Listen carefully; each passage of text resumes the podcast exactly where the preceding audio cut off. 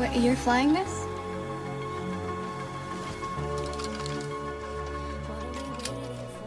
Men Silla, sitter du här och kollar på 50 shades of Grey igen?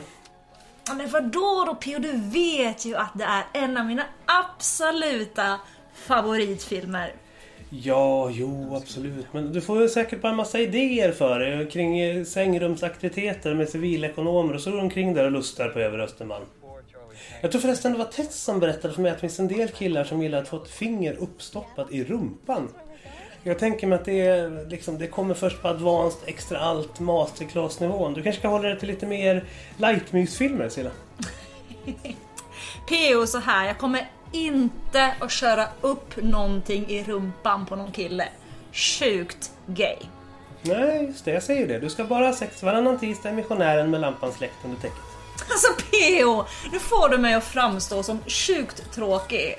Alltså jag är faktiskt ändå så här sjukt lekfull och busig när allt kommer omkring. Ja, men då så. Det är bara att plocka fram busigheten så blir det nog bra. Ja, absolut, men jag tänker fortfarande inte stoppa in något i någons rumpa. Eh, Men då kanske vi ska stänga av 50 Shades och sätta på Seventh Heaven istället. Innan lyssnarna blir uttråkade. Jag tror inte lyssnarna blir uttråkade av 50 shades. De lyssnar ju faktiskt ändå på den här podden.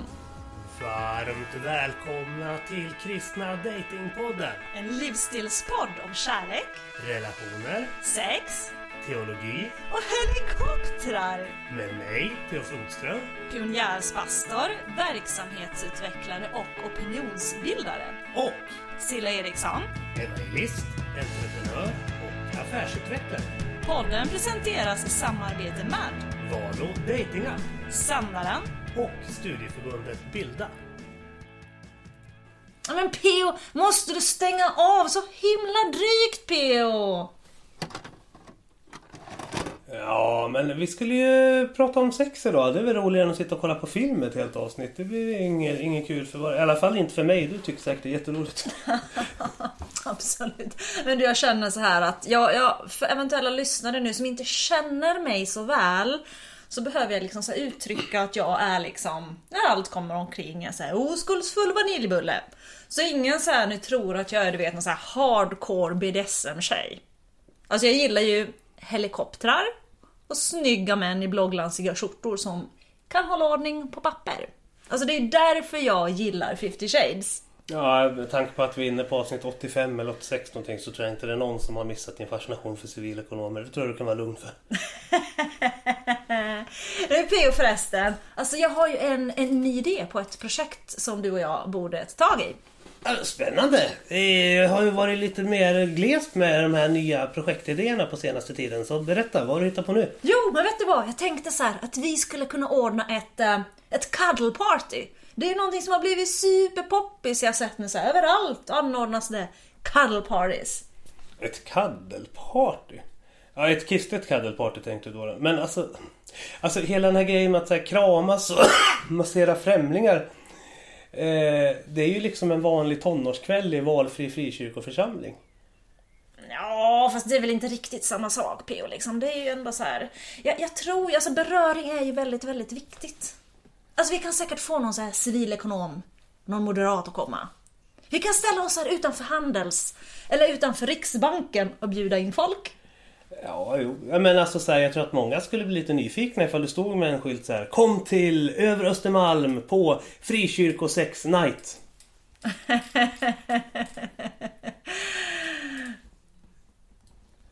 Men... eh, Ja, alltså det låter ju återigen som sagt mest som att eh, de här profana människorna har upptäckt det här med vanlig liksom, tonårshäng inom frikyrkovärlden.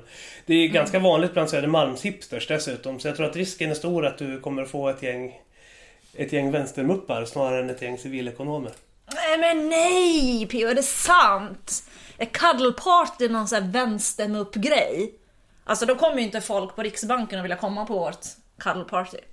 Alltså ska jag vara helt ärlig? Nej, det, bör, det här med cuddle party börjar kännas lite för... Det känns nog lite för bohemt för mig.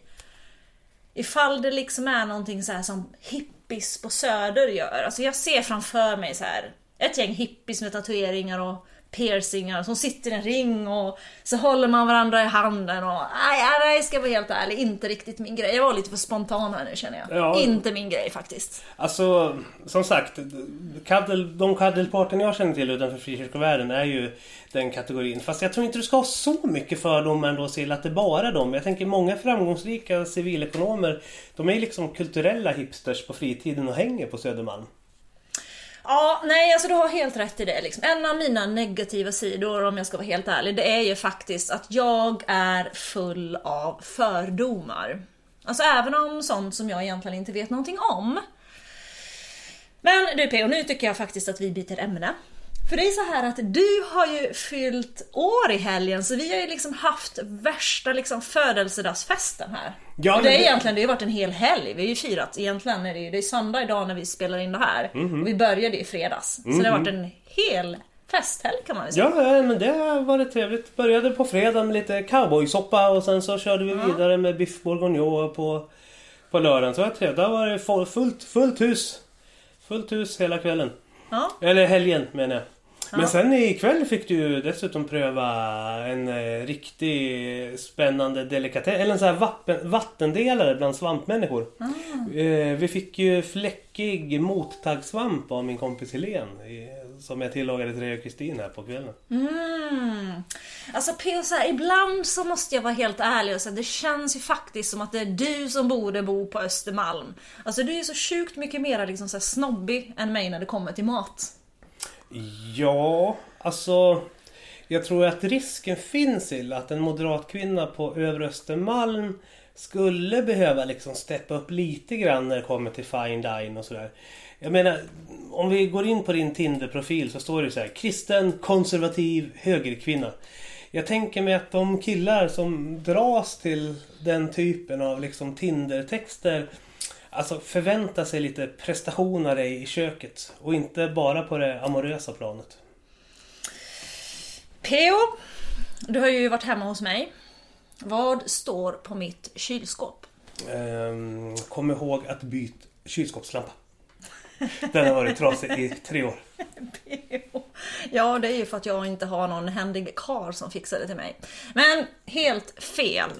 Det står P.O. med stora bokstäver I kiss better than I cook. Så att en eventuell lite för konservativ civilekonom fattar att det här med matlagning inte är mitt vassaste S. Jag har liksom andra skills. Ja just det. Ja men alltså jag tror definitivt att du kan locka killar med argumentet att du är bättre i sovrummet än i köket. Så det, kör hårt. Ja, definitivt. Men om vi ska byta ämne igen nu här då. Eh, det är faktiskt så här att det har hänt ehm, två tråkiga saker som jag tänker att vi faktiskt ehm, skulle behöva lyfta lite här i det här introt.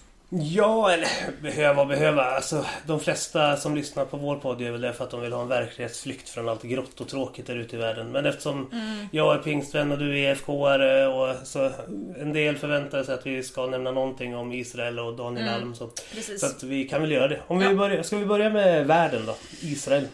Ja. Vad, vad, vad tänker du kring det? Vad jag tänker kring det? Ja, men jag tycker bara att det är så fruktansvärt tråkigt. Alltså det har ju pågått så länge. Och Jag är inte jätteinsatt i hela den här konflikten, det ska jag vara helt ärlig och säga. Men alltså jag tycker det är det är så ofantligt tråkigt när man ser de här små bebisarna som de har ihjäl på, på nyheterna. Ja, Jag, jag, jag tycker det är så hemskt. Alltså jag tycker verkligen det. Och man känner sig så hjälplös. Och man bara känner så här, vad, vad, vad kan man göra liksom? Mm, Alltså det, det är liksom katastrof på katastrof just nu. Och det, det man börjar faktiskt känna att man, man tycker att det känns tungt. För jag är liksom så här, jag vill ju kunna göra någonting. Men vad, vad gör man liksom? Ja. Jag är lite ambivalent kring det. För att det finns ju människor på båda sidor som vill ha fred. Och som kämpar för det. Och sen finns det människor på båda sidorna av gränsen som bara saboterar fredsprocessen genom att eh, provocera den andra parten. Eh, så det är ju extremt frustrerande för alla fredsaktivister. Alltså oavsett ifall de är muslimska araber eller kristna araber eller judar eller vad de nu kan vara. Att så här, det är hela tiden liksom ett steg framåt, två tillbaka, ett steg framåt, två tillbaka. Vad de än gör. Eh, Men en grej som jag tycker är lite märkligt att det pratas så lite om det är att man pratar ju om att Israel stänger in framförallt Gazaremsan.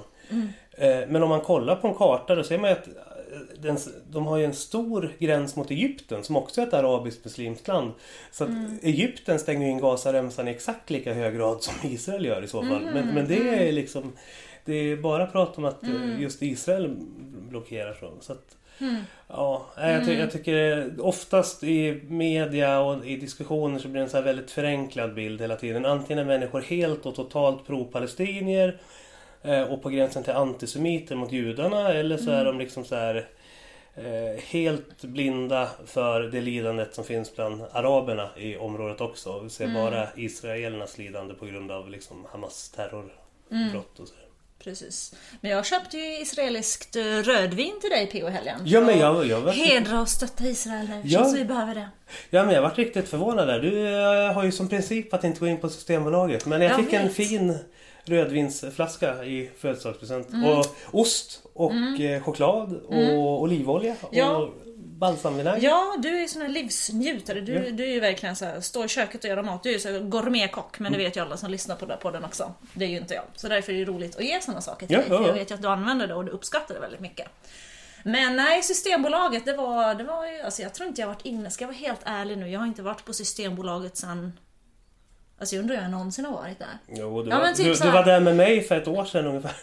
Ja just det, när vi skulle köpa glögg till julfesten. Ja. Det stämmer. Men alltså jag har ju själv inte varit in och köpt någonting på Systembolaget tror jag, sen jag kanske var 22. Jag flyttade till Sverige när jag var 21. Jag tror att jag har varit inne på systemet en gång sedan jag flyttade hit. Och det har alltså jag har bott här i, vad blir det, 17 år? 15 Men år? Har, har du alltid varit nykterist? I Ja, Finland? nykterist hela mitt liv. Ah, ja, Japp, det har jag.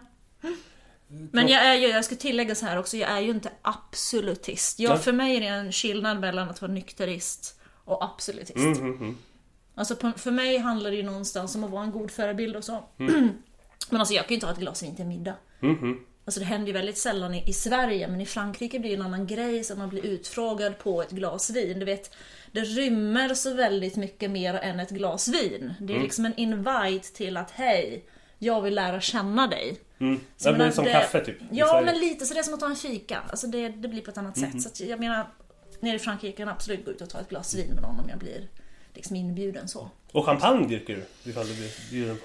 Ja, vid speciella tillfällen så. absolut. Så ja, absolut, det kan eh, definitivt glida ner en, en, eh, ett glas champagne eller ett glas rödvin. Men jag absolut aldrig mer än så.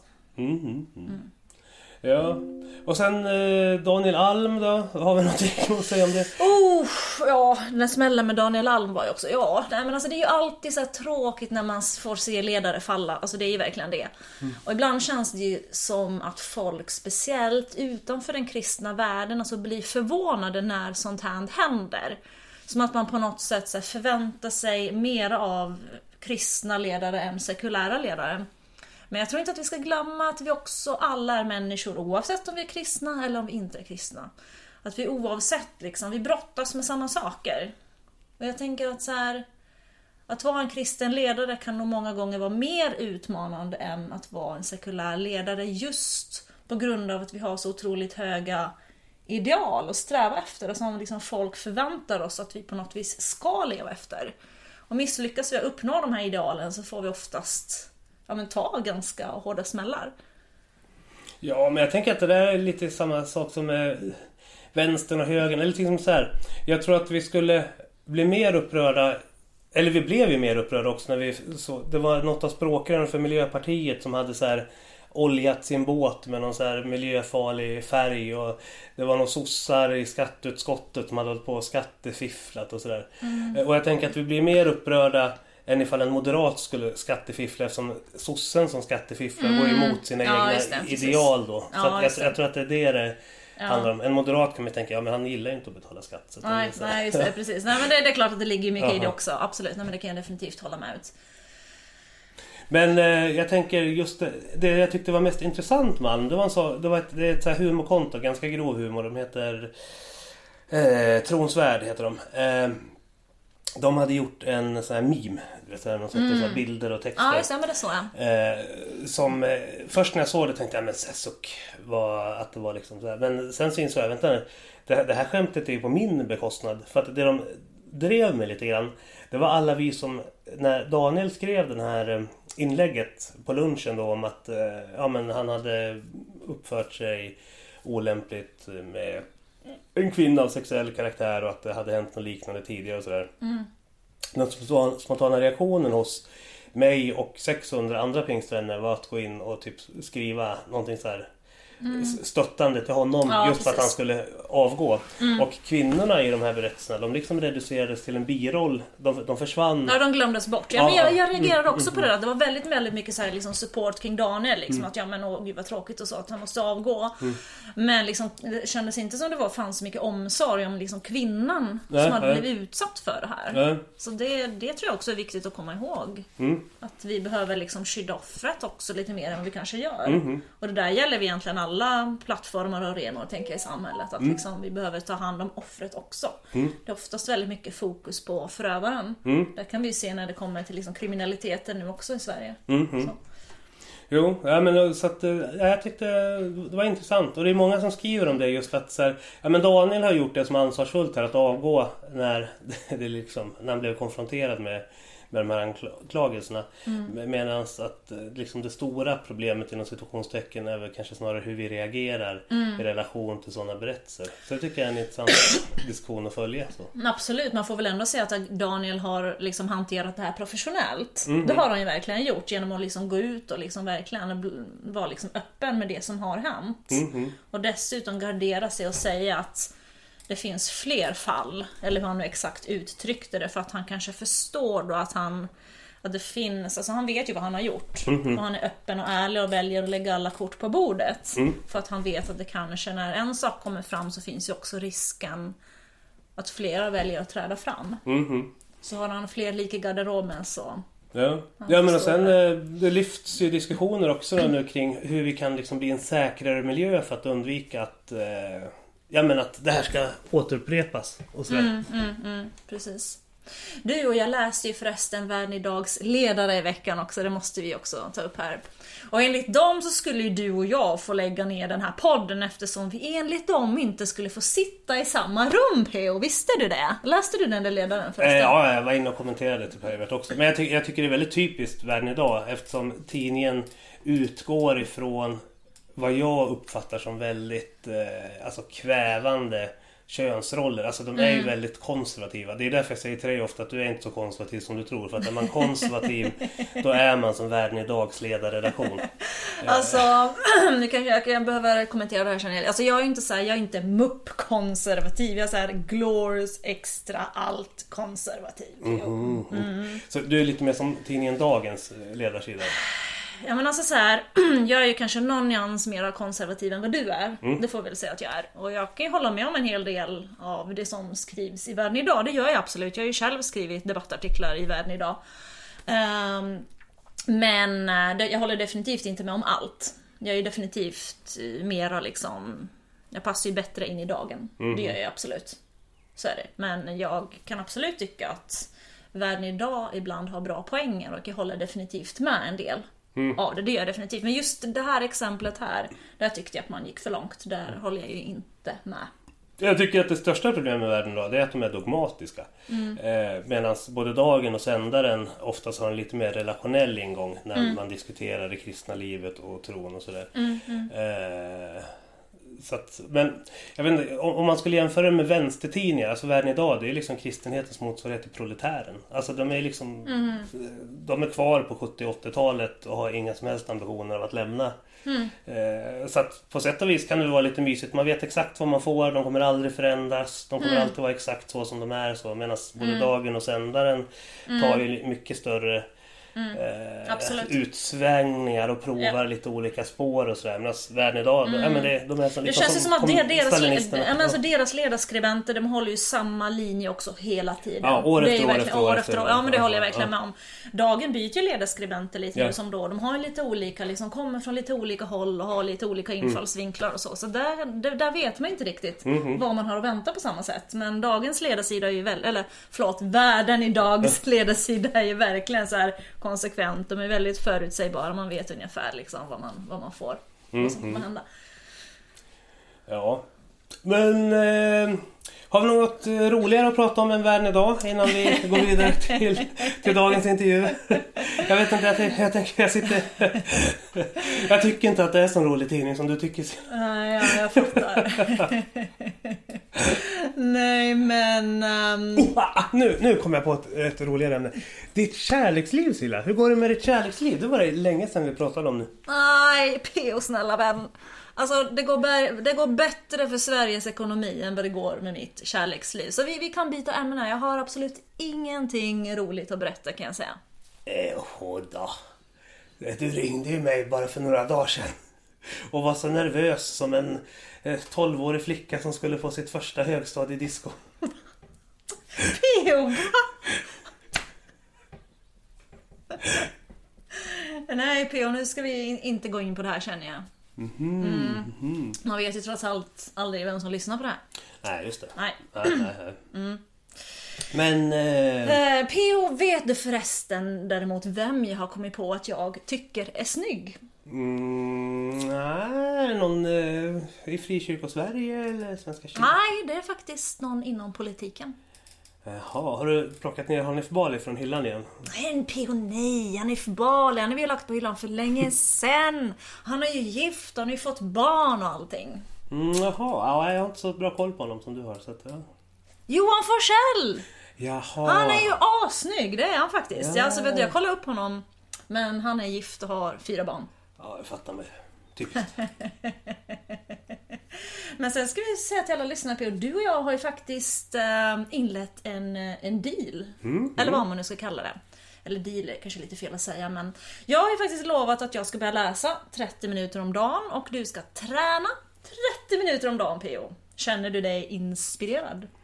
Ja, ja alltså. Det så här på hösten blir jag ju så trött så att det, är inte så här att jag... Jag är inte som du att, det liksom, att jag har spring i benen och att jag spritter av energi och sådär. Men jag tycker det är kul att du ska börja läsa. Framförallt nu när du börjat spana på sekulära killar. Eh, så kan det ju vara bra om du läser lite om eh, eh, universalism och sådär. Men ja, men ganska omotiverad till att träna. Ja men PO, vet du, du kan ju inte sitta och vänta på att motivationen ska komma. Det är att vänta på motivation, det är som att sitta och vänta på en orgasm utan att ha sex. Ja, okej. Ja, ja, om du säger det så.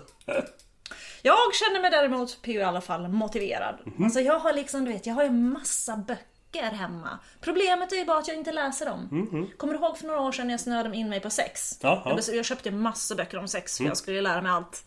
Alltså jag har fortfarande inte läst dem. Nej, nej. Det är många av dem jag inte har läst.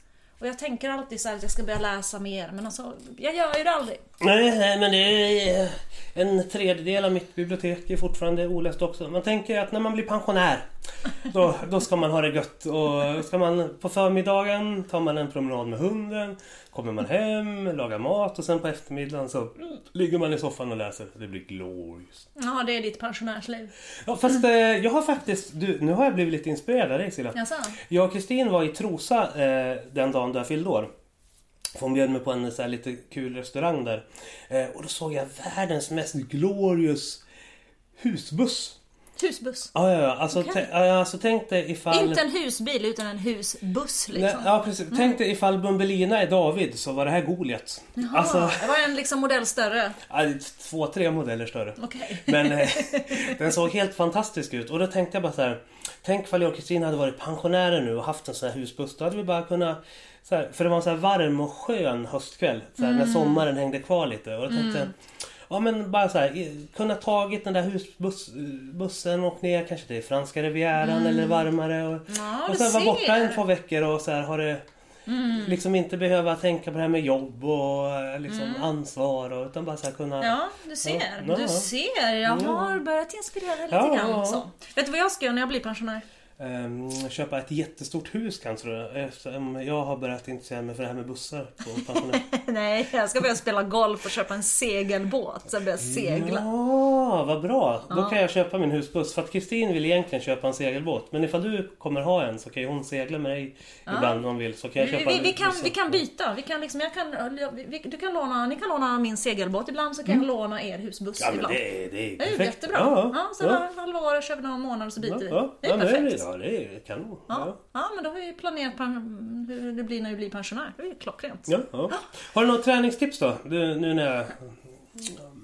Ska... Träningstips? Ja du. Nej, men det, är ju, det är viktigt att du känner att det är kul. Att det är någon, en träningsform som du känner att du liksom känner att, ja, men, att du är motiverad. Mhm. Så du känner att du har någon slags inspiration. För annars kommer det inte komma ut.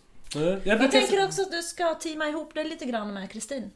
Ja, fast hon tycker om att vara ute och springa. Jag gillar ju att sitta på roddmaskinen här som vi har bakom Men oss. tycker du verkligen, om du ska vara helt, helt ärlig här PO. Mm. Tycker du att det är så roligt att sitta på den där roddmaskinen? Ja, jag brukar sitta och kolla på Apologia. Eh, Apologia Live, de sparar ju sina föreläsningar på Youtube. Så sitter jag och kollar. Nu senast så satt jag och lyssnade på en föreläsning av Tommy Wasserman om textkritik medan jag satt och tränade. Det var inspirerande. Alltså PO. Du är så nördig. ja, men det var, det var intressant. Jag tänker så här att du skulle börja spela innebandy för du är så social så jag tänker du borde ju ha någonting, alltså en träningsform tänker jag där du träffar andra människor. Ja, Jag, fast- tänk, jag tänker PO, volleyboll eller innebandy eller typ tennis tänker jag. Mm. Jag tycker sånt är tråkigt. Jag vill kunna sitta och lyssna på teologiföreläsningar när jag tränar. PO du är en sån teologimupp. Ja, ja, ja. ja. Mm. Ja. ja. Ja, nej men alltså jag jag ska ta tag i mitt läsande, det ska jag. Alltså jag är lite mer av den typen av person som lyssnar på saker. Alltså jag lyssnar ju väldigt mycket liksom, du vet, på olika undervisning och poddar och mycket liksom YouTube-kanaler och sådär. Men alltså jag, jag ska verkligen, jag lovar verkligen PO att jag ska börja läsa böcker. Jag ska göra det 30 minuter varje dag. Ja. Men sen Silla, på tal om ditt kärleksliv. Du har ju, jag såg att du hade klickat i Jag kommer till eh, Mitt i livets eh, kristna singelmingel här den 27 oktober. Ja, men det är väl klart. Det är väl klart. Det, det ska jag absolut ehm, gå på. Det ska bli faktiskt jätteroligt. Det var väldigt länge sedan jag var på något sånt mingel. Och det var väldigt länge sedan jag, ja, och vi för, för övrigt arrangerade något event eller Ja. mingel. Det brukar ju vi och jag ibland göra. Mhm, mm. Ehm, Men jag tänker många som till skillnad från dig är lite så här ovana med just mingel och hur man ja, men ska föra sig i ett eh, mingel, mingelsammanhang. Eh, jag tänker att eh, det är en speciell umgängesform det här med att mingla. Det är, sam- det är ungefär som efter en gudstjänst i typ Sankta Clara kyrka. För de har ju inte kyrkfika på det viset utan de har ju så här kyrkmingel. Och det här är ju en konst i sig. Så att jag tänker att eh, har du något tips för dem som tycker att ja, men, de är kristna och singlar och vill gå på kristet singelmingel men är lite så här nervösa och inte riktigt vet hur man gör? Ja, men det är väl klart att vi ska kunna skramla ihop lite våra topptips här på, på mingeltips och hur man ska tänka. Alltså för det första så tänker jag så här. Att fokusera på en person. Alltså det är väldigt lätt när man går på mingel och pratar med olika folk och så här liksom att man står, om man verkligen pratar med en person som man tycker den här personen är verkligen intressant, det här är en spännande person som jag vill liksom lära känna, då tänker jag att då ska man fokusera på den personen. det är lätt ibland sådär att blicken liksom flackar, man kollar runt om det råkar finnas någon mer intressant person. Och sånt tycker jag är liksom, det är sjukt oattraktivt. För då känner man sig liksom så att nej, men man var inte riktigt good enough här utan att den här personen fiskar efter om det finns någon bättre liksom. Mm. Men det är väl att vi är lite Tinderskalor? Att vi säger alltid, det går att swipa efter något bättre. exakt. Liksom. Ja men vi är, jag tror att Tinder har skadat människor faktiskt på riktigt. Mm. Väldigt mycket. Eh, Så fokusera på en person. Eh, Sen tänker jag det här med klädsel. Alltså det är ju trots allt ändå insidan som räknas. Men kläderna spelar ju faktiskt, om vi nu ska vara helt ärliga, ändå en stor roll. Studier visar ju faktiskt till exempel att det är 58% mer troligt att män bjuder ut en kvinna som bär rött. Och vill du ta det säkra för det osäkra anses blått faktiskt vara attraktivt på män. Men eh, rött och rosa på kvinnor. Jag vill ju ha rosa. Men du kanske ska ta din rosa klänning, nej rosa, din röda klänning på singelminglet. Den du har på din bild på Kiss and Date. Ja, ja kanske det. Alltså. Den är lite festlig sådär så jag vill inte känna mig too overdressed. Men ehm, det beror på vart det här minglet är. Jag vet inte riktigt vart det är någonstans. Hur ska, är, hur ska man klä sig på ett after work då om vi tänker det? Finns det några riktlinjer där? Och, oj, alltså det här är ju också en jättesvår fråga. Det beror helt på vart det är någonstans. Mhm. Så. Vart är det någonstans? Nej, jag vet inte. Det är precis det jag... Ja, så är det en ni- fråga ni- jag ställer mig själv. Ni får kolla på Facebook för där står det så... Mitt i livet, sök på mitt i livet, gå in på deras sida så finns det där. Nej men jag tänker kjol, jag, jag är ju en sån kjolmänniska, jag går ju alltid runt i kjol. Jag går Mm. alltid runt i kjol och någon blus. Sådär. Jag gillar ju blusar och kjolar. Så det, ofta är klänningar tycker jag jättemycket om också. Jo. Men, då, men då har vi förberedelserna klara. Eh, lite grann. Men sen när du kommer dit då, utöver att fokusera på dem. Hur, hur gör du liksom för att börja prata med folk så? När du kommer Nej men alltså jag tänker så här, det viktigaste av allt, det måste väl ändå vara att ställ frågor. Alltså den klassiska fällan som många går i, det är ju att man bara pratar om sig själva. Och det är väldigt naturligt att det blir så när man blir nervös, tänker jag. Men det är så få saker som är så sjukt ohot som någon, när någon bara pratar om sig själv. Alltså nyfikenhet på den andra personen, det är, alltså, det är en otroligt attraktiv egenskap, det får man ju säga ändå. Mm. Frågor alltså. Men ja, vad, ska man fråga om då? Så, vad är dina känslor kring dieselpriser? Vad är din relation till nuvarande regeringens skattepolitik? Vad tycker du om plastpåseskatten? Vad är bra frågor att ställa liksom när du, om du ser en hot... PO din politikmupp. alltså man brukar säga så att man ska undvika samtalsämnen som politik, religion och pengar. Men nu är ju både du och jag är ganska kontroversiella personer som inte direkt räds för att prata om känsliga saker. Men alltså jag tänker att man så här kan öppna med att fråga liksom, men mycket öppna frågor som liksom leder till diskussion. Jag tänker så här, men man skulle kunna fråga exempelvis, ja men hur hamnade du här? Vad brinner du för just nu? Alltså det är en ganska så bred fråga som inbjuder till att eh, svara på en nivå som personen faktiskt känner sig bekväm med. Och svaret kan ju handla både om liksom så här, ja men karriär, arbetsliv, privatliv. Alltså svaret bjuder ju verkligen in till att du får info också om vad den andra personen faktiskt är passionerad över just den här stunden. Vilket jag tycker är liksom superkul. Sen kan man ju fråga liksom, ja men vad är det bästa du har gjort i år? Alltså, liksom vi är stolta över våra prestationer. Men ibland krävs det att någon liksom säger, nej men tvingar oss att reflektera vilket avtryck vi faktiskt har gjort. Och ibland kan det ju vara faktiskt helt okej att skryta lite också. Och sen, vad ser du fram emot? Det är också en ganska bred fråga. Personen du pratar med kan ju egentligen svara lite vad som helst. Kanske ett kommande projekt på jobbet eller en efterlängtad semester eller ja, vad är det bästa han har gjort i år? Alltså det öppnar ju upp för väldigt många olika saker. Vad är det viktigaste jag borde känna till om dig som person? Vilket ögonblick har definierat dig som mest? Vilken är den mest intressanta bok du har läst och varför? Ja just det, den frågan hade jag gillat. Ja, den hade du gillat. För då kan man föra in det på politik och teologi. Alltså via den. Liksom. Ja. Precis, exakt. Ja men det, det är bra frågor. Men jag tycker det är två frågor som du, som du har missat här. Asså, tycker du? Ja. Vad är din relation till helikoptrar? Och eh, vilken högskola har du din civilekonomexamen från? Precis. Men eh, mer då än att ställa frågor. För är, man vill ju inte liksom uppfattas som en journalist. Att man liksom bara står och intervjuar personer. Nej men ett säkert kort, ett väldigt, väldigt säkert kort Mm, får man väl ändå säga. Det är ju ändå det här att liksom, ja men ge komplimanger. Var generös med komplimanger. För komplimanger är ju alltid uppskattade. Mm, Så är det ju faktiskt. Och det får ju verkligen människor liksom känna sig sedda och bekräftade. Och det är ju någonting som jag tycker är extremt viktigt. Mm. Ja men alltså komplimanger är allt bra. Sen så tror jag att det kan, alltså om man vill undvika att det blir sliskigt ska man nog blanda upp det med lite humor. Mm. Men det där är ju liksom väldigt fine line alltså för det, Ja. humor kan ju bli plump. Ja. Eh, och ifall du liksom använder en humor som är för kulturellt Mm. bunden eh, och liksom utgår från eh, här, kun, grundkunskap som inte alla har så Mm. är risken att personen inte förstår att du skämtar utan bara tycker att du är konstig. Precis. Nej men alltså humor är ju också väldigt viktigt. Det är också ett säkert kort. Fast då ska man ju liksom ha det på rätt nivå och man ska liksom... Det där är lite svårt när man inte känner en person också. För du, du och jag kan ju ha ganska så här grå humor ibland sådär, och det kanske inte liksom funkar i alla sammanhang. Nej, nej. Så där får man ju verkligen liksom känna in också lite grann Vad är det för person jag har framför mig? Vad kommer funka?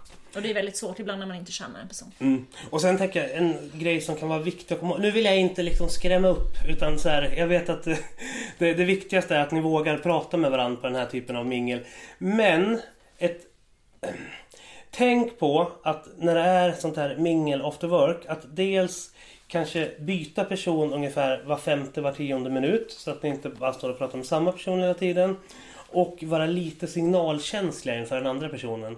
Alltså ifall en person står med armarna korsade och ger lite korta svar och inte ställer så mycket följdfrågor och flackar med blicken och sådär. Så kan det vara ett tecken på att den personen inte tycker att det är så jättekul att prata med dig.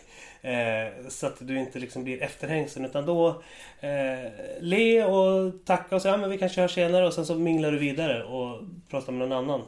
Eh, och sen det, det är ju viktigt också att det är lite rörelse i gruppen på ett sånt här ställe för att annars kan det, risken finns att Ja, men alltså ja, jag för- känner lite så här, jag tänker om jag liksom träffar någon som är liksom så här, du vet supercharmig liksom. Ja. Alltså, då, kommer då kommer jag vilja stå och prata med den personen. Ja. Mm. Men jag tänker det där känner man ju också in.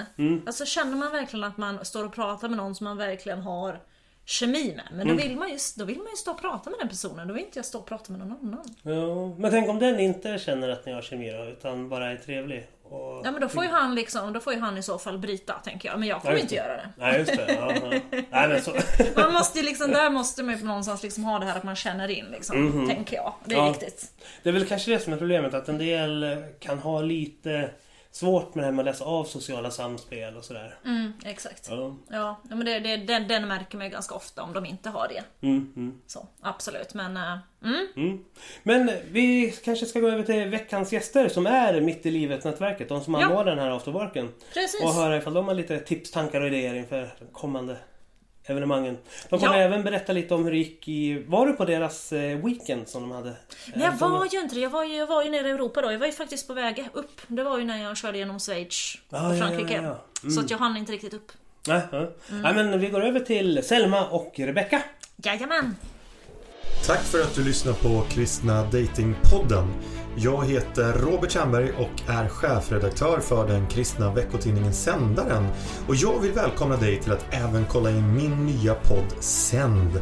Och den hittar ni där poddar finns.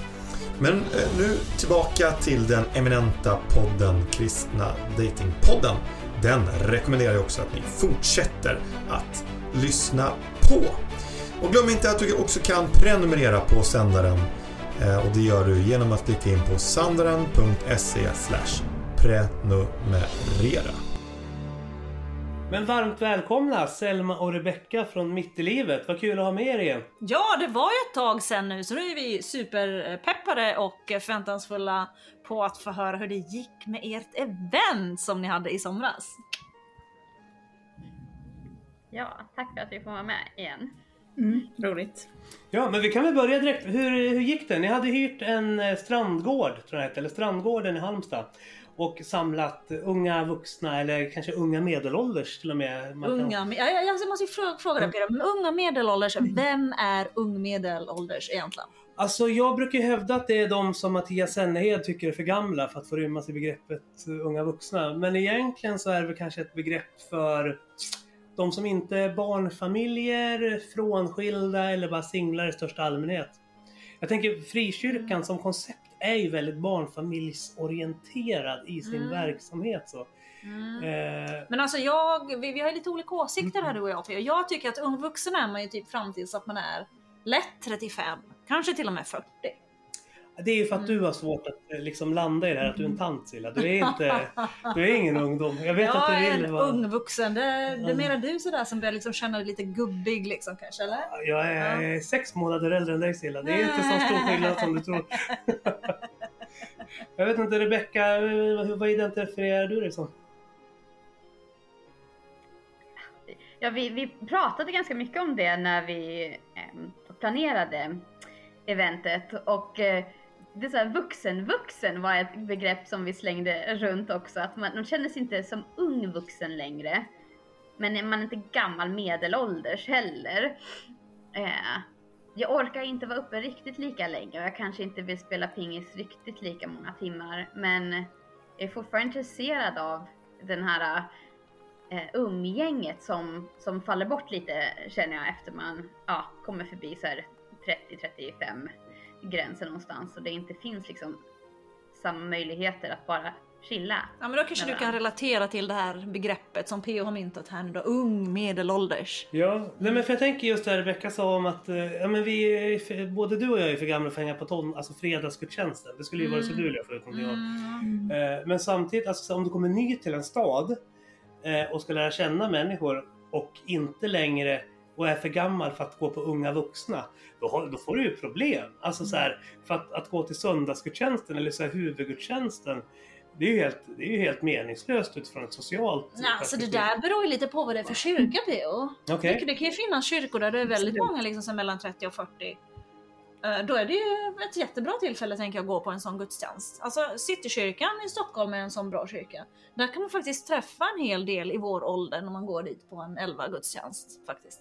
Fast ni sitter ju bara och tittar varandra, eller ni, vi sitter ju bara och tittar varandra i nacken på en vanlig gudstjänst. Hela poängen med de här unga vuxna kvällarna det är att det, det är uppstyrda sociala evenemang liksom som är riggade för att människor ska lära Ja, jo, alltså det, det behöver man definitivt. Men alltså det, jag- det jag försöker säga är inte att det behöver inte vara meningslöst att gå på en 11 gudstjänst i någon kyrka heller. Men, jag, jag spetsar ju till det, men alltså ur ett socialt perspektiv. Ja, men Selma till exempel, Mm. du, ska säga, du, du är inflyttad till Stockholm va? Du, eller, du kommer från Göteborg från början, eller Nej. var? Nej, min mamma kommer från Småland men jag vet inte riktigt var jag kommer Hur, ifrån. hur gammal var du när du flyttade till Stockholm? Ehm, hur gammal var jag? 20 kanske, Ja, 21. fast då var du ju i din prime. Då är det jättelätt att lära känna människor. Ja, jag var ju student också så det är ju lite annan grej. Då, blir det ju, då är man ju ung vuxen och har många sammanhang man kan Ja. vara med i. Men ändå, jag tycker ändå man kan, alltså församlingar, även om man inte är andra i samma ålder så får man ju mycket ut ur en församling också socialt tycker jag. Med äldre och yngre och lite blandat. Och man kan ju lära känna dem på fikat eller och vara med i någon så här gemenskapsgrupp eller ja, fikagrupp eller någonting. Jag tycker det har varit väldigt värdefullt faktiskt, även om ja. Sen är jag väldigt tacksam för dem som är i min ålder som inte har barn. Annars kanske det har varit svårt att vara kvar så länge. Ja, alltså jag tycker inte man ska inte dissa en kyrka heller där det är liksom, jag menar, de som är barnfamiljer och de som är äldre och så vidare. Jag var i Folkungakyrkan i söndags och jag satt och fikade med pensionärerna och jag satt och fikade med barnfamiljer och, och så vidare. Jag tyckte det, alltså det var trevligt. Även om jag inte träffade någon i min egen ålder så var det väldigt trevligt. Ja, men, det, är så. klart, det är klart det kan vara trevligt, men du kommer inte bli kompis med folk på tre månader. Alltså, så här, när du är i den ålderskategorin så att du kan tillhöra unga vuxna-gruppen och gå på unga vuxna-evenemangen. Så är min erfarenhet i alla fall att du blir kompis med människor inom loppet av tre fyra månader. Att ni börjar umgås utanför den här institutionaliserade vänskapen. Men alltså, jag, vet, jag vet människor som har gått i filla på 18-gudstjänsten i flera års tid och fortfarande inte har några kompisar. Men sen kanske det är ett problem specifikt för Filla, för jag har hört att de är, kan vara lite så här. Mm. Jag vet inte, Rebecka, är du med i Filla eller? För du log. Då kanske du kan... Ja, nej men alltså jag förstår ju eh, lite av det du pratar om. För att jag tror steget med min överanalytiska personlighetsdrag är att man måste vara obekväm för att det ska fastna. Alltså man kan gå på gudstjänst och eh, som en deltagare, eh, eller eh, åhörare snarare än en deltagare.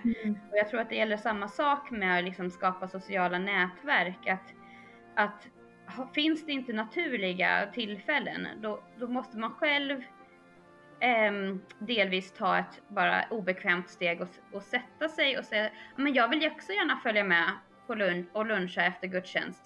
Fastän man inte automatiskt inkluderas i det, det gänget så att säga.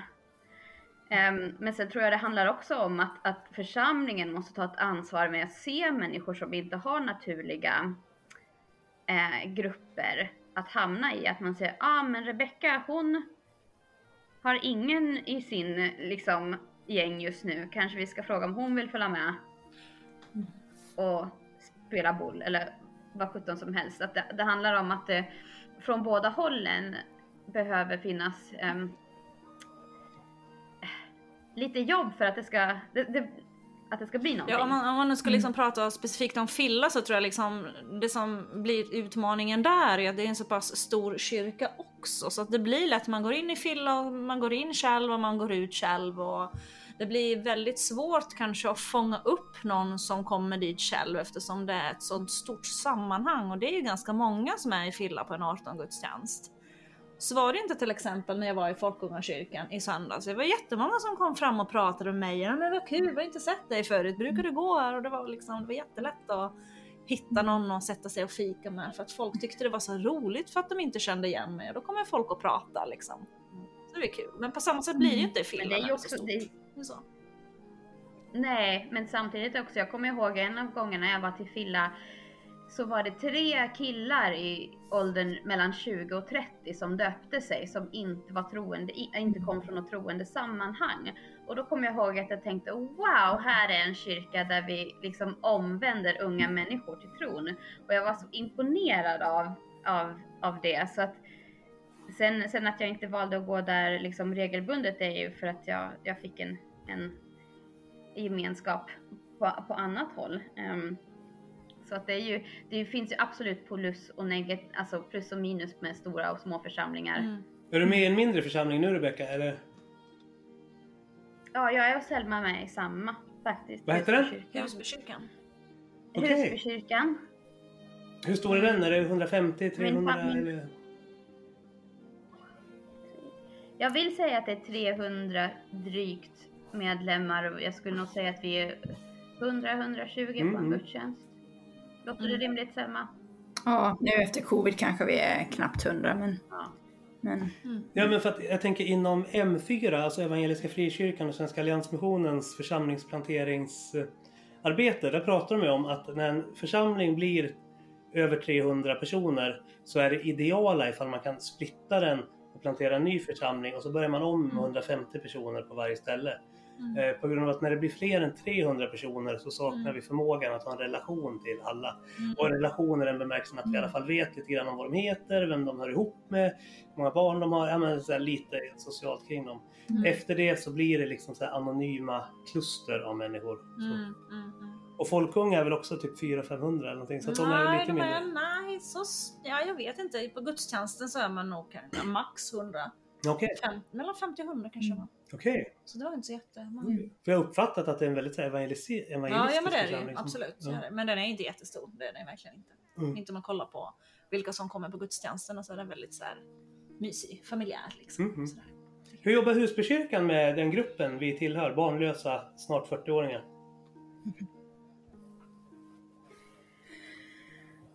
Kanske bättre nu efter att de har dragits med i den här mitt i livet. ehm, skulle jag säga att det har öppnat i alla fall från um, i min um, husgrupp eller vad man ska säga, bönegrupp kallar vi det. um, har det ju diskuterats eh, frekvent nu eh, senaste året. Och eh, jag tror lagts på, eh, på fler hjärtan än det gjorde innan. Mm, -hmm. Men kan, kan det vara så också? Nu är väl ni uppväxta inom frikyrkan va? Men det jag funderar på också är ifall det är så att Ja. vi som är uppväxta inom frikyrkan blir lite blinda för alltså de sociala villkoren som gäller utanför vår kultur. Eftersom i vår, vår kultur så har, alltså så här, vi lär oss från ganska ung ålder att vara socialt extroverta och knyta kontakter i nyktert tillstånd. Så. Medan ifall du kommer från en mer majoritetskulturen så bygger du hela din, liksom så här, dina sociala skills kopplat till triggers som har med alkohol eller i alla fall klubbmiljö att göra. Vilket gör att när du är nykter på en söndag, då vet inte du hur du ska göra för att ta kontakt med en ny person. Då blir du som på en AV med jobbet. Nej men på AWn då har du ju druckit en öl sig, så då är du ju socialare. Men det blir som i fikarummet på jobbet. Liksom. mm. Ja, men jag tror att det, att det är lite... Inte bara har med alkohol, men delvis det såklart, men också att det ska handla om intresse. Att det finns ju sammanhang som löpargrupper och climbinggrupper och att man, om man har någonting, någon sån aktivitet som, ehm, eller bokklubb. Men det finns inte så mycket även utanför kyrkan tycker att det är dåligt med typ vuxenhäng. Mm. Det var lite det vi, vi, vi pratade om vet jag efter den här helgen, att det kändes som kollo för vuxna. Och att det, det borde finnas mer sånt. även, alltså inte bara inom kyrkan utan generellt i vårt samhälle. Det blir väldigt ensamt annars. Speciellt om man bor alltså antingen i en väldigt liten stad Mm. där det inte finns så många singlar i, i vuxen ålder. Eller om man bor i en stor stad som Stockholm eller Göteborg där man lätt hamnar um, ett ensamhushåll som blir väldigt ensamt. Men kan ni inte berätta lite grann om ert vuxenkollo då som ni hade i somras? Hur, hur, hur gick det? Ja, det gick ju Ja, jättebra tycker vi. Vad, vad, Jag var vad, över förväntan faktiskt. vad var det som var det bästa? Ehm, Det som vi uppskattade och många som var med uppskattade var ju gemenskapen, att det var en sån härlig stämning. Det var liksom verkligen härliga människor och alla var väldigt öppna och avslappnade och det var liksom inga så här jobbiga situationer utan, eller ja, kanske någon enstaka, men det, det var ju ja, väldigt härlig atmosfär. Så jag tror att många kände sig liksom trygga och öppna och tacksamma och Mm. ja, jag tror att det gjorde mycket. Hur många blev ni till slut? Ungefär 60 Oj, men personer. det var ju riktigt bra. Ja, det var ju bra. Ja. Absolut. Sist vi anordnade singelkollor då kanske det bara kom en 25 singlar va? Ja, julfesten tänker du på? Jaha. Ja, fast det var ju för att den var ute i Gnesta. Ja, fast det här var ju nere i Halmstad. Silla. Det tar betydligt längre tid att ta sig från Stockholm till Halmstad än att ta 30 minuter tåg till Gnesta. Ja, jo, jo men ja, vi, vi hade ju kanske satt oss.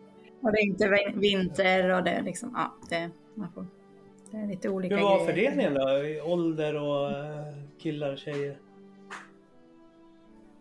Jag kollade på det nu, jag tror att det var 60 någonting procent kvinnor. Eh, och sen var det, tror vi sa att det var ungefär en tredjedel mellan 30 och 40 och två tredjedelar mellan 40 och 50.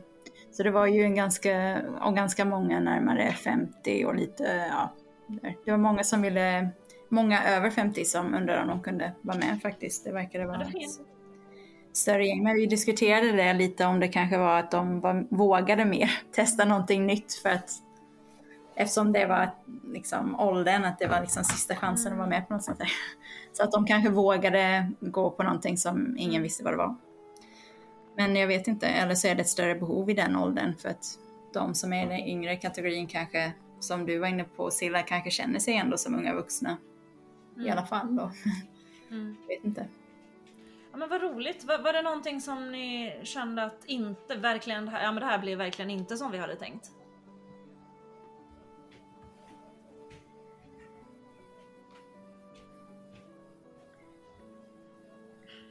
Inte vad jag kan komma på. Alltså det kändes som att nästan allt gick så mycket bättre än vad vi hade kunnat hoppas och be om. Så att det kändes oerhört välsignat. Mm. Ja, det var mer så här farhågorna Mm. blev inte. Alltså en sak Bara En sak som jag har hört från framförallt kristna singelkvinnor i eran ålder. Det är att om man släpper på för hög ålder uppåt så vill man inte komma på grund av att äldre män saknar spärren att förstå att de inte är eh, potentiella partners för kvinnor i er ålder. Alltså så här, män i 50-årsåldern tänker att en kvinna i Mm, ja, det där 38-årsåldern tycker, ja, det tycker jag är jobbigt. Mm. Eh, är, har ni någon reflektion kring det? Just eh, att äldre kvinnor får aldrig för sig att ragga på yngre män så, men att det liksom åt andra hållet finns det en, en tendens som gör att singelkvinnorna i eran ålder helst undviker sociala miljöer där det kan finnas för många äldre singelmän. Eh, ja. Inte, inte så att det blir jobbigt, men absolut. Um, om man skulle... Ja, man kan- tänka ett varv till kanske. Det är bara användarna på Kristen Date som saknar sociala skills. Det hör jag. Mm. Rebecca säger att de inte är jobbiga, de hon träffar. Ja, de värsta kanske inte vågar anmäla sig till sådana saker, eller? Ja, Det kan ju vara att så att de är, de är att liksom... de är bara muppiga på ja, nätet. de är bara muppiga på ja. nätet och de skulle aldrig egentligen in real life våga liksom dyka in på ett sånt här event. Mm. Så skulle det nog kunna vara. Nej men det är ju alltså så här, för att du skickar mig skärmdumpar ibland på vad de här skäggmupparna skriver och det är så här explicita sexinviter från farbröder som är med i väldigt konservativa frikyrkosammanhang. Mm. Så det känns som att så här, Ja, jag vet inte. Jag, jag vet inte hur jag ska förhålla mig till eller relatera till. Eller Nej, jag tycker det är ganska creepy. Jag, jag är väldigt anti, men jag har ju fått mycket förslag från äldre män. Så att... Ja, ja, men det, var ju det var ju Ja, konservativ farbror som skrev och frågade ifall ni skulle ha sex här för Ja, några jag, veckor sedan. jag, jag, Jättemärkligt. jag, jag, jag, jag, jag blir så, jag är väldigt anti när det blir liksom de som är 45 plus. Typ. Ja, Och det var ju väldigt tacksamma för att det inte blev någon sådär konstiga... Vi var ju... Vi hade ju lite, var lite förberedda för att det kan vara lite konstigt. Alltså att vi ja, tänkte på att det skulle vara några man kunde prata med om det händer något som man tycker är jobbigt eller så här, men, men vi är väldigt tacksamma till Gud att det verkligen blev ett jättehärligt gäng. Alltså det Mm. kändes som att det blev bra personer som kom och att det var en Mm. trygg Var det miljö. spretiga? Hur gamla var de yngsta? Hur gamla var de äldsta? Blev det liksom ett stort åldersspann? Jag tror inte det var någon yngre än 34 va? Rebecka eller? Jag tror inte det var så många. Nej, det var väl... Nej, det var inte så jättemånga under 35 skulle jag väl säga. Och sen hade vi ett par stycken som fyllde 50. Mm. Två det. stycken tror jag. Mm. Ehm, så men det är ju som sagt, vi, som Selma sa, vi hade ju safety officer eller vad vi um, nu ska kalla det. För att vi, vill, vi visste ju inte heller vad det skulle komma för människor. Um, vilka som hade anmält sig och det kändes som att det, vi ville ha lite, lite backup om det skulle hända någonting. Um, men uh, det behövdes ju ehm, eh, inte på det sättet. Och, och det kändes som att det var, det var jätte, jättegod gemenskap. Det, Man behövde inte, det kändes som att vi bara eh, med Guds hjälp fixade förutsättningar och så tog människor det och, och Mm. sprang med det. Mm. Eh, så att det var jätte, jätteroligt. Jag tänkte om ni ska inspirera andra att göra liknande saker. Kan ni beskriva hur programmet blev? Om ni börjar liksom, hur var det? Det pågick 48 timmar eller fredag till söndag? Eller var det torsdag till söndag? Torsdag Ja. till söndag. Kan ni berätta, Ja. hur, hur, hur var programmet och hur, liksom, hur såg det ut? Målare så, med så vackra penseldrag ni kan. Vill du köra Rebecka? Nej men kör du, jag Okej. kommer inte ens ihåg vad vi gjorde. Nej, jag var tvungen att ta upp schemat här men eh, vi, ja, det började ju med middag egentligen och sen hade vi lite presentation av oss i planeringsgruppen och lite gemensamma aktiviteter eh, på kvällen så man blev uppdelad i grupper och fick göra olika Vad var det för Uppdrag. aktiviteter då? och sen, ehm, vad var det för aktiviteter? Först var det någon grej man skulle ställa en fråga va, till varandra. Ja. Och sen byta fråga med den man ställde frågan till va? Eh, bara i stor sal eller vad man ska säga. Och sen blev man uppdelad i grupper och fick olika uppdrag. Så fick man olika poäng för olika uppdrag man skulle filma eller ta videobevis. Ehm, så det var ju kul. Det var många som uppskattade det. Och sen um, fredagen och lördagen var ju eh, ja, frukost eh, såklart och sen en enkel morgonsamling med lite lovsång.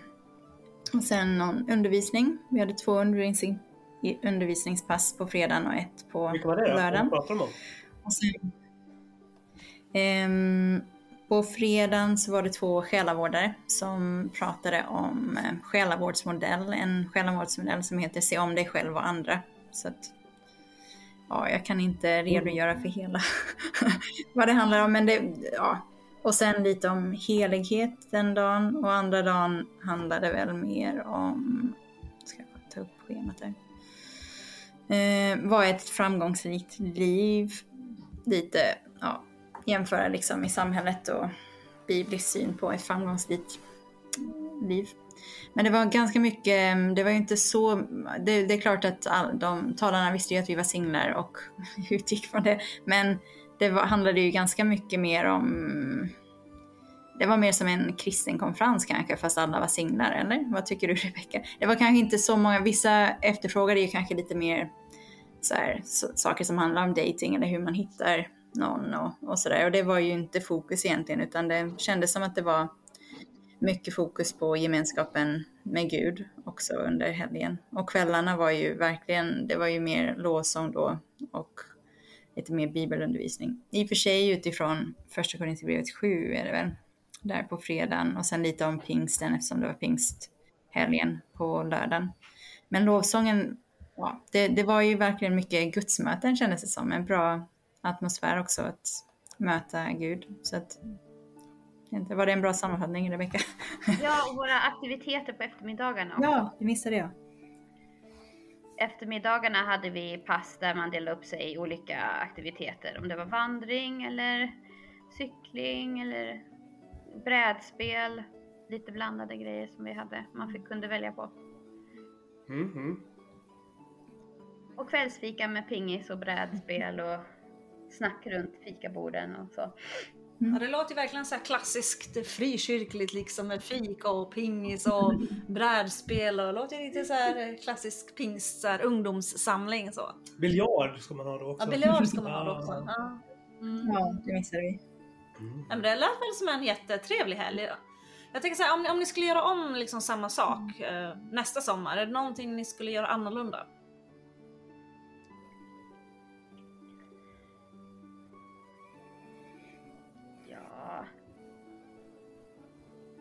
Alltså, det, du kommer inte jag riktigt ihåg allt som skrevs i mm, utvärderingarna. Men eh, vi, vi ville ju se till att inte skrämma bort dem som trodde att det bara var dating och inte Mm. var intresserade av det. Utan Mm. vi ville ju att det skulle vara en, en, en, en, en helg som var liksom lite mer fokuserad på först och främst gemenskap och att stärka eh, en i ens gudsrelation i singelskap och hur, Mm. hur man ska vara en hel människa liksom som singel. Eh, sen vet jag som jag att det är många som längtar efter att träffa någon. Mm. Så att vi kanske skulle lägga till någon eh, valbar. typ om vi, om vi dubblerar antal talare så att vi kan ha två saker man väljer på Mm. till exempel och att man då har någon som pratar om dating och tips inför um, nätdating till exempel. Hur, hur, vad är kutym på internet och sådana här saker tror jag eh, skulle uppskattas. Ehm, eh, men som sagt, vi, vi kände inte att vi riktigt hade ehm, pengar eller möjlighet att, att, att ta in ännu fler än, än de talarna som vi hittade just för det första året. Men det är någonting jag tänker att man skulle kunna bygga ut. Mm. Ehm. Mm. Nej men det, det, det är klart, det är Men första jag- året man gör någonting, det är klart att då, då förstår jag om man inte gör det liksom. Mm. Man behöver ju alltid göra någonting första gången och så gör man en utvärdering. Vad var det som var bra? Vad skulle vi kunna göra bättre? Och så får man justera liksom och lägga till efter det. Mm. Så det är väl bra tänker jag. Nej, men det låter som en schysst grej. Alltså, vi borde göra någonting tillsammans sommaren som kommer nu, 2024. Ja, vi har suttit och spånat lite innan vi satt på mikrofonerna. Ja, så har vi ja. suttit och spånat lite här. Ja. Ja men och även om det är connectat till andra Mm. nätverk som, som är som mitt i livet. Vi Mm. har ju Mm. en del kompisar som har ganska stora Mm. liksom, nätverk som ordnar olika Mm. resor och grejer för eh, Mm. ja, men människor i den här åldersspannet 35 till Mm. 45 liksom. Mm. Men jag tänker att det, det hör ju lite till också så här, vad, hur stort man vill man göra. Mm. Det som jag tyckte var bra, eller som vi tyckte var bra med den här gården, strandgården, var ju att man kommer bort från, alltså det var typ bara vi där. Mm. Och det, det stärkte ju väldigt mycket det här att man hade inte så många andra att umgås med på kvällen om Mm. man ville vara social. Ehm, att det, det skapade väldigt bra möjligheter att, att umgås med nya människor i, samma livssituation. Eh, sen eh, tänker jag att eh, man kan ju också göra sådana endagars grejer och, och sånt. Så eh, det är ju ingenting som säger att man måste vara så långt bort. Ni gjorde det i, för några veckor sedan va? Inne i centrala Stockholm? Hur, eh, hur gick det då? Blev Ja, ni det många? stämmer. Ja, det var ju jättekul. Det blev ju ändå ett gäng som dök upp. Det var ju inte folk som var med på, eller några som var med på Mitt i livet-helgen, men det var flest, mest andra. Mm. Det var Det var kul. också, ni var ute och seglade, vad var det ni gjorde? Ni träffades på Djurgården? Jag kommer inte ihåg vad det Nej, Ja. det var bara i en park, Vasaparken, så det var ju bara komma dit med en picknickfilt och spela kubb eller ja, prata, köpa med sig lite mat och Mhm. äta ihop.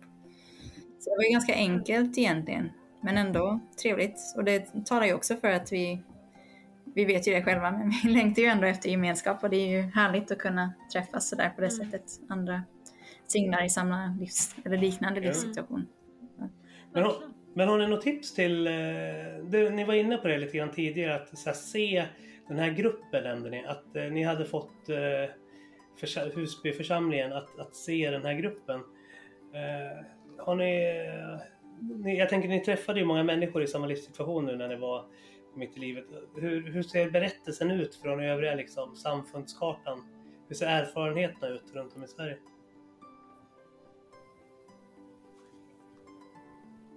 Det kändes som att alla hade, eller många hade väldigt liknande erfarenheter. Det kändes väl, verkligen som att eh, många brottas med samma slags känsla eh, i församlingen när, runt om. Eller Mm. det var min, min känsla av det i alla fall.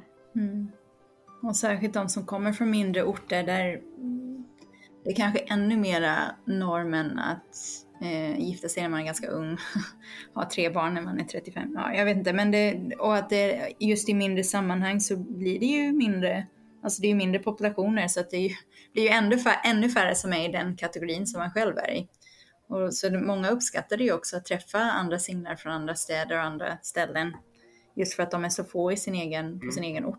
Ja, ja, ja, Så- men i mindre städer är det ju läge att börja bli stressad Mm. redan vid 26 liksom. Det är, Ja. de flesta börjar ju para ihop sig, som du säger, vid 21, 22 liksom. Sen är det ju...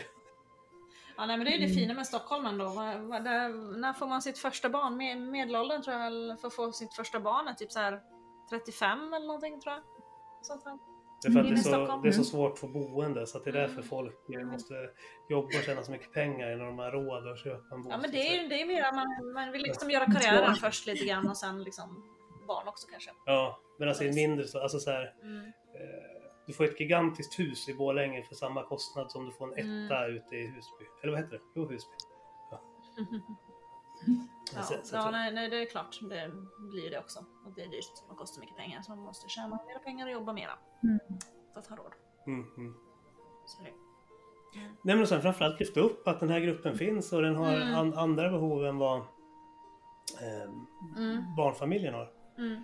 Eh, och att liksom verbalisera att det är en viktig grupp så tänker jag. Mm. Ja, nej, men det är viktigt att investera i den så det får jag väl göra. Ja. Får fortsätta spana på vårt Men, sommar. men jag tänker så här generellt, alltså så här, det här har vi pratat om många gånger, men att församling, församlingar umgicks mer med varandra. Men om vi backar 20-30 år bak i tiden så, men alltså vi fastnar allt mer och mer i våra individuella projekt. Och det där tror jag är en större livstrend som man måste hitta nycklarna till om man tänker att man vill göra någonting åt den. Så.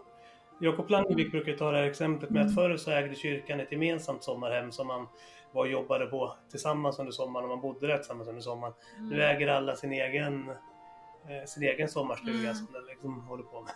Och då blir det inte det här Mm. eh, självklara gemenskapen Mm. utanför Mm. de institutionaliserade. Mm. Ja, nej, men det ligger väl någonting i det. Idag ska ju alla äga var, e- egen båt och man ska ha egen sommarstuga och man ska ha egen bil och man ska ha eget. Alltså, man ska äga, det är ju hippt. Man ska äga saker Mm. själv. Och det, är ju, alltså, det finns en baksida av det Jag också. tror vi måste... Mm. Det är fint och det är på ett sätt, det skapar ju en, mer, en större gemenskap om man kollektivt äger saker tillsammans och Mhm. tar hand om saker. Så blir det ju Det blir en gemenskap runt det. Ja, och ha liksom gemensamma projekt Mm. inte bara individuella projekt. Ja, exakt.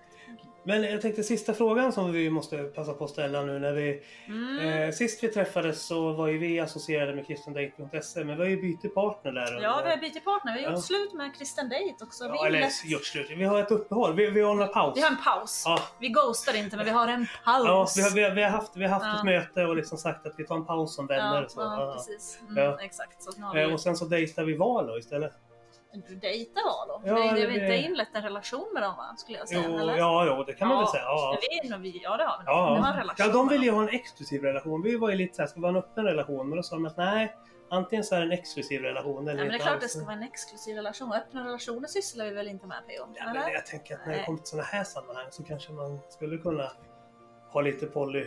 eh, Nej, så du börjar vänstra. Nej, nej, nej, nej, nej, nej, nej. Sånt sysslar vi inte med. Säger, säger tjejen då som har en användare på alla de här fem olika Det har vi ju inte.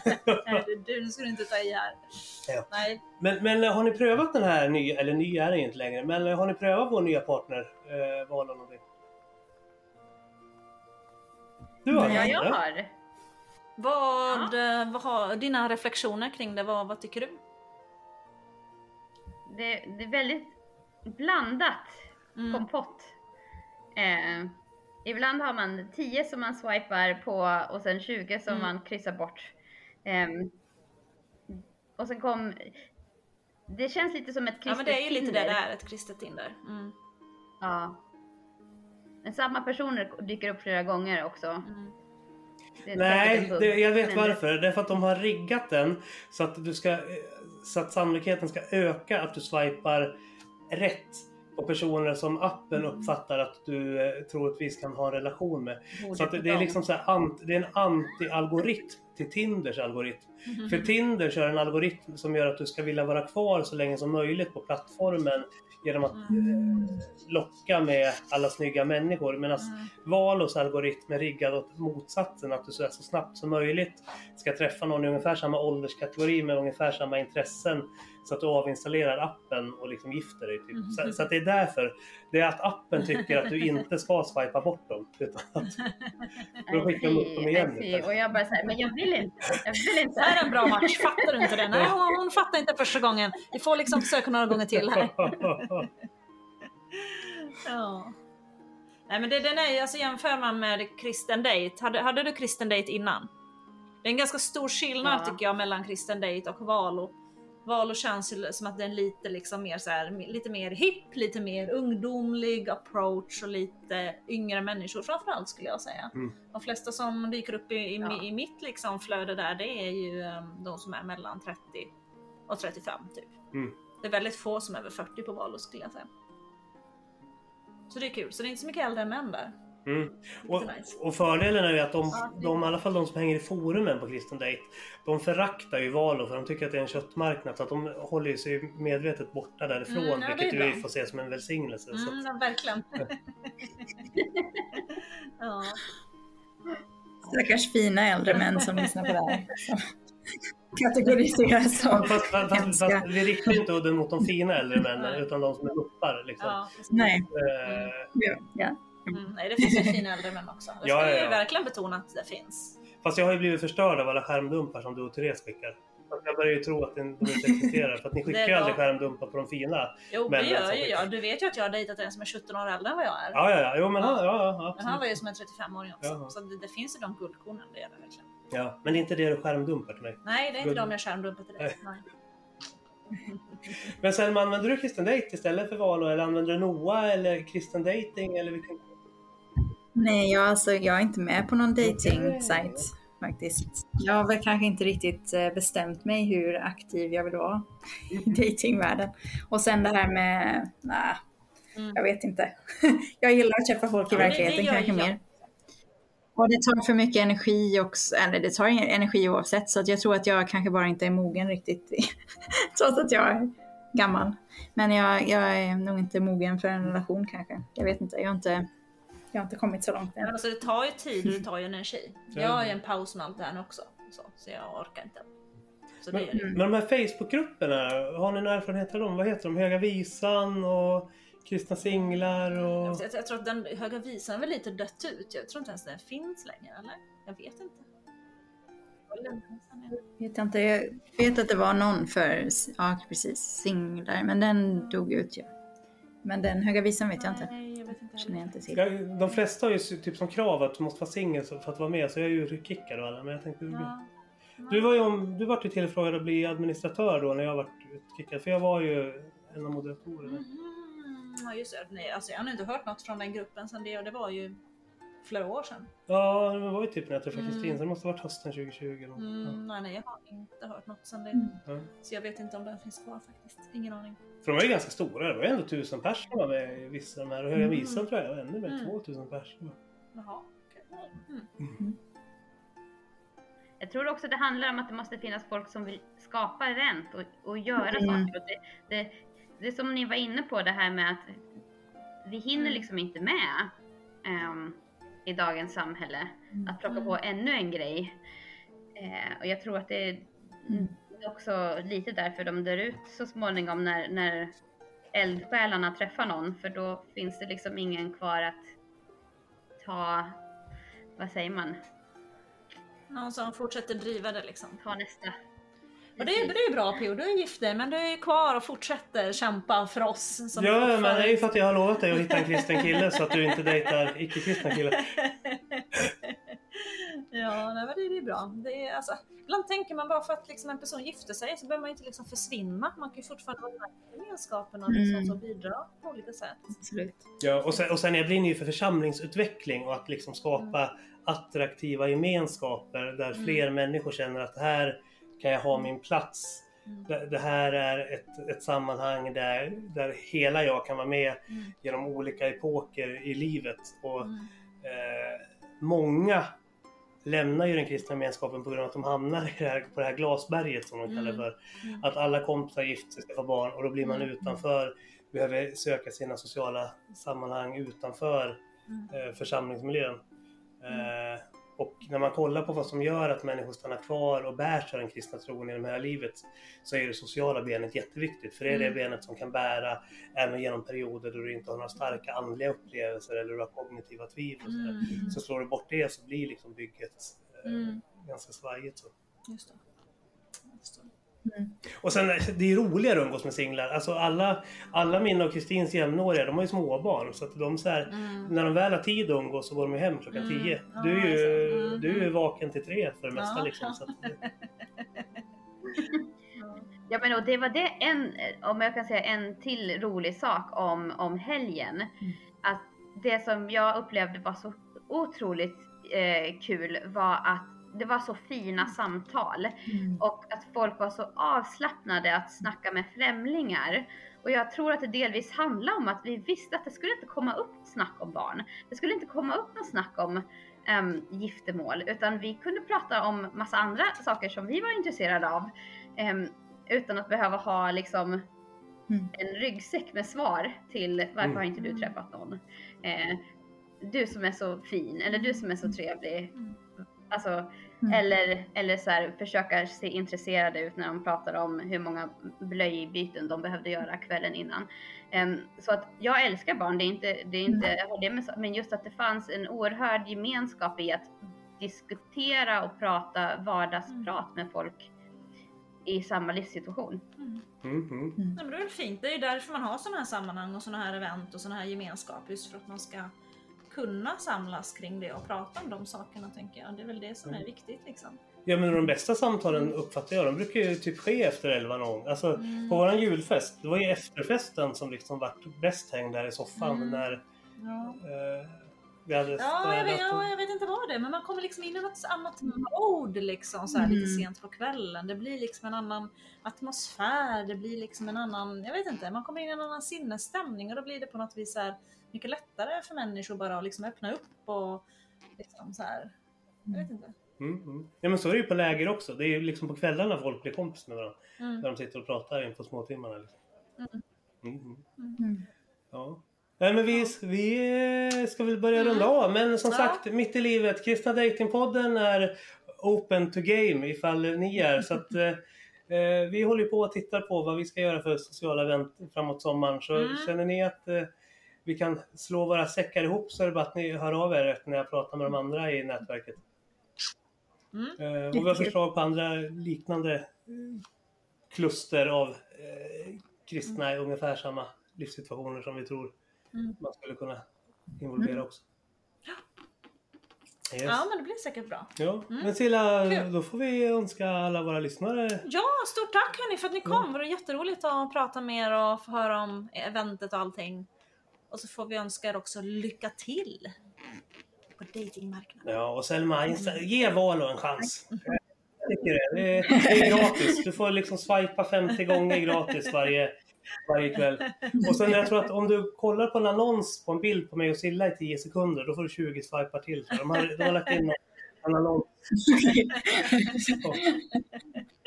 Fast det är ännu bättre att du klickar på annonsen för då kommer du till Kristna Datingpodden. Så att, Härligt! Nej men tack för idag. Vi får avsluta som vi brukar. ja, men jag önskar alla våra kära lyssnare, eller ett stort tack för alla våra kära lyssnare. Ja, mig. ett stort tack Ja. och en stor puss och och kram! Stort tack för att du har lyssnat på Kristna Datingpodden. En livsstilspodd i samarbete med Valo Datingapp sändare. och Studieförbundet Bilda. Följ oss på Acast och Spotify. Vi finns där poddar finns. Trött på dejtingtjänster med tvättbrädesmagar och tomma löften? Hitta något äkta. Valo är Sveriges snabbast växande dejtingapp för kristna. Där du kan hitta sällskap med gemensamma värden. Ladda ner Valo gratis från App Store och Google Play och upplev kärlekens vår.